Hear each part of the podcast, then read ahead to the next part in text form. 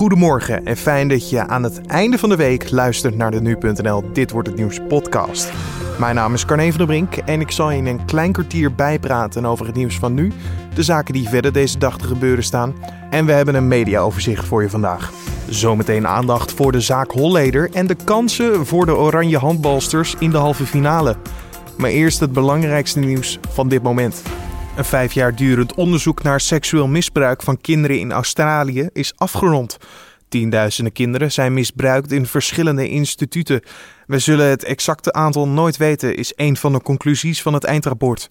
Een commissie onthulde bewijzen van seksueel misbruik binnen onder meer scholen, kerken en sportclubs. Sinds 2013 zijn 2500 beschuldigingen door de commissie doorverwezen naar de autoriteiten. De meeste beschuldigingen werden geuit naar geestelijke en leraren. De meeste misbruikgevallen werden gerapporteerd binnen de kerk. De onderzoekers doen in het eindrapport meer dan 400 aanbevelingen. Tijdschrift Libelle is donderdagavond uitgeroepen tot magazinemerk van het jaar. Dit bij de uitreiking van de Merkers 2017. Marieke Het Hart van Vrouw ontving in de Lamar Theater de prijs voor hoofdredacteur van het jaar. De leiders van de Europese Unie zijn elkaar op hun top in Brussel niet nader gekomen over het asielbeleid. Er is nog totaal geen zicht op consensus, al dus premier Mark Rutte na afloop van het diner waar een heftige discussie over de verdeling van asielzoekers plaatsvond. De top sprak over de toekomst van het asielbeleid om beter met de crisis om te kunnen gaan. Op tafel lag onder meer de door Oost-Europa fel bestreden verplichte verdeling van asielzoekers over de EU. De Nederlandse inzending voor de Oscars, Laila M, is niet doorgedrongen tot de laatste negen kanshebbers. Oscar-organisatie The Academy maakte gisteren de shortlist bekend voor de categorie Beste Niet-Engelstalige Film. En dan kijken we naar het nieuws van vandaag, oftewel dit wordt het nieuws.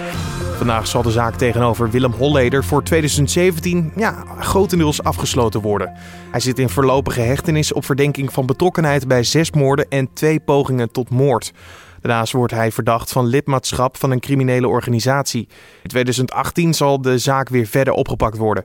Maar wij vroegen aan nu.nl-redacteur Joris Peters wat er vandaag precies gaat gebeuren. Nou, je moet verwachten dat vandaag eigenlijk een soort uh, regiezitting wordt. Het belangrijkste is dan eigenlijk in welke rechtbank in Amsterdam uh, zal de strafzaak worden gehouden. Uh, in welke volgorde van getuigen komen aan bod. Of wie zal als eerste spreken. Ik weet toevallig dat het OM zou heel graag Holleden als eerste op zitting willen horen. De verdediging van Holleden denkt daar weer anders over. Dus zo moet je het zien. Eigenlijk een, een, een dag van formaliteiten. Ja, echt een afsluiting inderdaad. Echt een afsluiting. En zowel het Openbaar Ministerie als de verdediging van Holleder uh, is er klaar voor om uh, begin februari met deze zaak te beginnen. En dan zal het raar zijn als de rechtbank daarvan afwijkt. Dus dat zal, dat zal uh, vandaag worden gepland. En als we al gaan kijken, inderdaad, je zei februari, januari, februari, dat ze weer gaan starten. Hoe gaat het uh, jaar 2018 voor Willem Holleder en de zaak eruit zien? Het gaat een hele interessante zaak worden. De kans is groot dat de zussen van Holleder dan uh, op zitting worden gehoord. Dat is natuurlijk al uniek, want ze zullen dan waarschijnlijk in het bijzijn zijn van Willem Holleder. Nou, uh, ze zitten nu op dit moment ondergedoken omdat ze bang zijn geliquideerd te worden. Dus dat wordt een soort aparte familiereunie. Dat, dat is heel bijzonder. Nou, zijn arrestatie uh, was natuurlijk op basis van de liquidatie van Kees Houtman en, en Thomas van der Bel.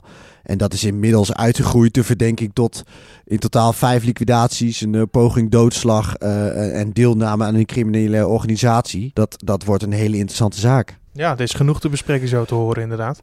Um, vraag die ik gewoon heel interessant vind. Natuurlijk de zus van Willem Holleder. Die is uh, in het nieuws gekomen volop door haar schrijfkunsten. Twee boeken geschreven over deze zaak, over de relatie met haar broer. Denk jij dat hij ook de boeken heeft gelezen? Ik, het eerste boek heeft hij sowieso gelezen. Ja. Ik ga ervan uit eigenlijk dat hij dat tweede boek ook heeft gelezen. Uh, uh, hij zal vandaag ook uh, nog even aan het woord komen. Misschien komt hij nog wel even terug op het boek. En wat hij tot nu toe vooral heeft gezegd is dat het een, een, een media show is. Hè, wat zijn zus opgeeft. Zij speelt deze zaak via de media. En dat doet ze middels haar boeken. Dus het eerste boek dat heeft hij zeker gelezen, ja. Je hoorde nu.nl redacteur Joris Peters. De Nederlandse handbalsters strijden bij de 23e wereldkampioenschap om de titel. In Hamburg, Duitsland, zullen ze vandaag met titelverdediger Noorwegen strijden voor het ticket naar de finale. Nu sportredacteur Riepke Bakker reist dit kampioenschap met de handbalsters mee. En wij belden met hem met de vraag hoe de vrouwen ervoor staan. Nou, in ieder geval een stuk minder goed dan de Noorse vrouwen uh, dit toernooi. In Nederland ja, wint wel zijn wedstrijden. maar het is allemaal niet zo sprankelend als het vorig jaar was op het EK, twee jaar geleden op het WK. Uh, nipte zegens op Tsjechië en Japan. ploegen die op papier heel veel minder zijn. Eigenlijk heeft Nederland pas één goede wedstrijd gespeeld. Dat was tegen Duitsland in de poolfase. En verder is het vooral ja, ja, niet, zo, niet, zo, niet zo heel spannend, maar ze winnen wel. Ja, want hoe lastig is de komende tegenstander dan?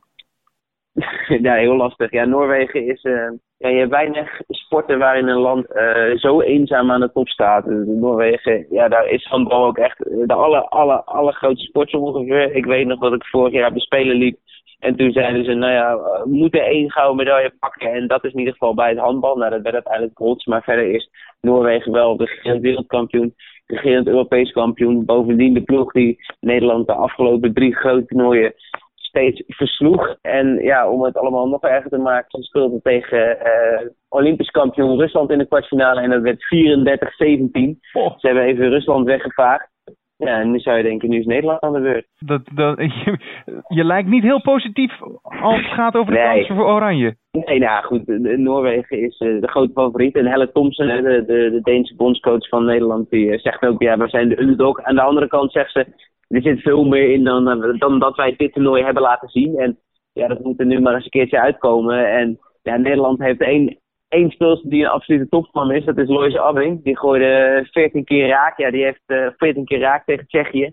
Die heeft handen van goud dit toernooi. En ze zei, ja, iedereen moet nu het niveau van, uh, van Lois gaan halen. En dan hebben we een kans. Het moet eigenlijk niet één stap beter, maar twee stappen beter ja, tegen Noorwegen. En dan, dan kunnen wij de finale halen. Dus het is hopen op zo'n dag eigenlijk dat, dat alles goed valt. En dat Noorwegen een mindere dag heeft. Ja, en dan, het kan wel hoor. Nederland is niet kansloos. Maar ja, in de dokje zijn we wel. En dan hopen natuurlijk dat het publiek een beetje meegaat in de strijd.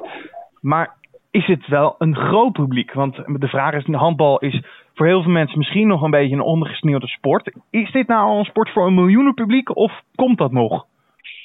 Nou, hier in Duitsland sowieso. Het is, wat dat betreft wel geniet. Ze hebben hier een grote competitie. Dus Nederland, uh, vorige ronde was ik in Magenburg. Er staan grote, prachtige hallen. Het zal morgen ook absoluut helemaal vol zitten met, uh, met bijna 10.000 toeschouwers hier in, in Hamburg. Dus ja, hier leeft het in die zin niet omdat Noord-Duitsland er wel uit ligt. Maar voor Scandinavische landen, voor Oost-Europa, is handbal gewoon een ontzettend grote sport.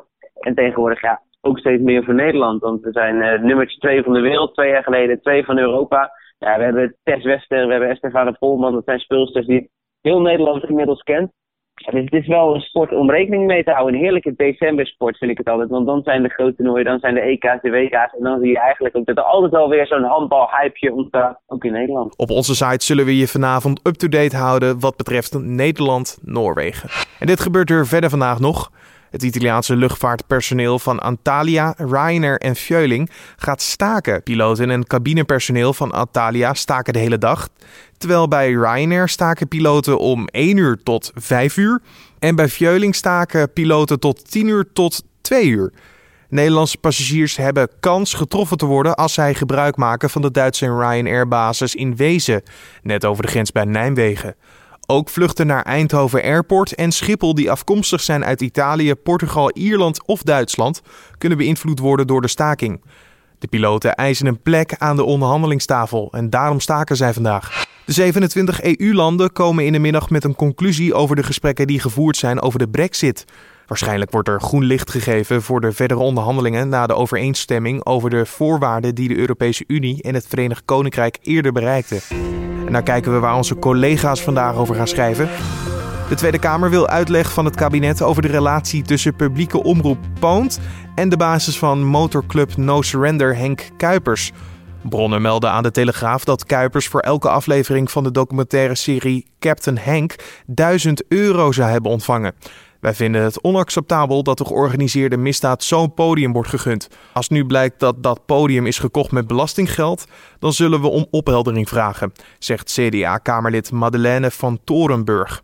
Parlement uitte eerder al flinke kritiek op de manier waarop Poont Kuipers vrijwel kritiekloos PR laat bedrijven terwijl hij en zijn motorclub verdacht worden van ernstige misdrijven. De NPO zegt met Poont in gesprek te gaan.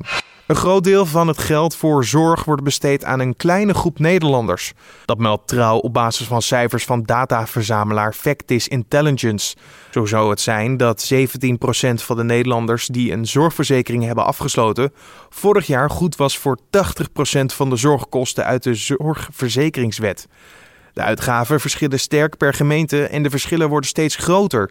Nederlandse zorgpremiebetalers dienen in 2016 gemiddeld voor bijna 2500 euro aan rekeningen in bij hun verzekeraar. Het is vrijdag, dat betekent dat je Lara Zevenberg van de entertainmentredactie hoort met haar roddeloverzicht.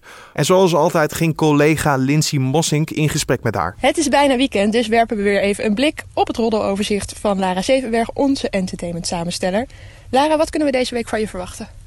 Uh, deze week heeft Albert Verlinde een interview gegeven in uh, JFK Magazine. We weten natuurlijk allemaal hoe lang hij wel niet bij RTL Boulevard heeft gezeten. 15 jaar. Hij is er nu ongeveer anderhalf jaar weg. En wat blijkt, hij kijkt niet met heel erg veel plezier naar de uitzendingen nu. Dat is best wel opmerkelijk, toch? Kan je eens vertellen hoe dat zit? Ja, hij zegt zelf in het interview dat hij een flinke vinger in de pap gehad heeft al die jaren. Uh, en hij vindt het nu eigenlijk een beetje een laf programma geworden. Het is een beetje, er zitten allemaal mensen die er iedere week weer zitten. Iedere dag dezelfde verhalen.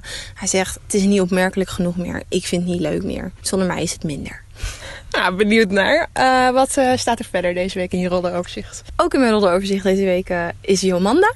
Die blijkt in Canada te wonen en al haar tanden kwijt zijn. Het rolleroverzicht kan je elke vrijdag vinden op nu.nl. En dan nog even het weer. Het wordt vandaag bewolkt en vooral landinwaarts lokaal nevelig. In de kustgebieden en in het zuiden kan nog enkele winterse buien voorkomen.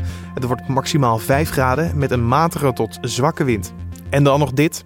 Het is vandaag Foute Kerstruiendag. Ik herhaal, het is vandaag Foute Kerstruiendag. Ja, je hoort het goed. Voor de tweede keer organiseert Save the Children de dag waar je goed doet in een foute trui. De maatschappelijke organisatie roept mensen op om een kersttrui aan te doen en te doneren voor kinderen in de kou.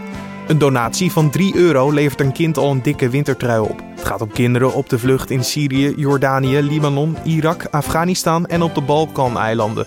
In ons land is kerst een tijd van gezelligheid en warmte, maar voor kinderen in oorlogsgebieden ziet het er heel anders uit. Zo stelt Save the Children. Vandaag kun je jouw warmte met ze delen. Oftewel, trek een foute kersttrui uit de kast en geniet met volle teugen van je vrijdag.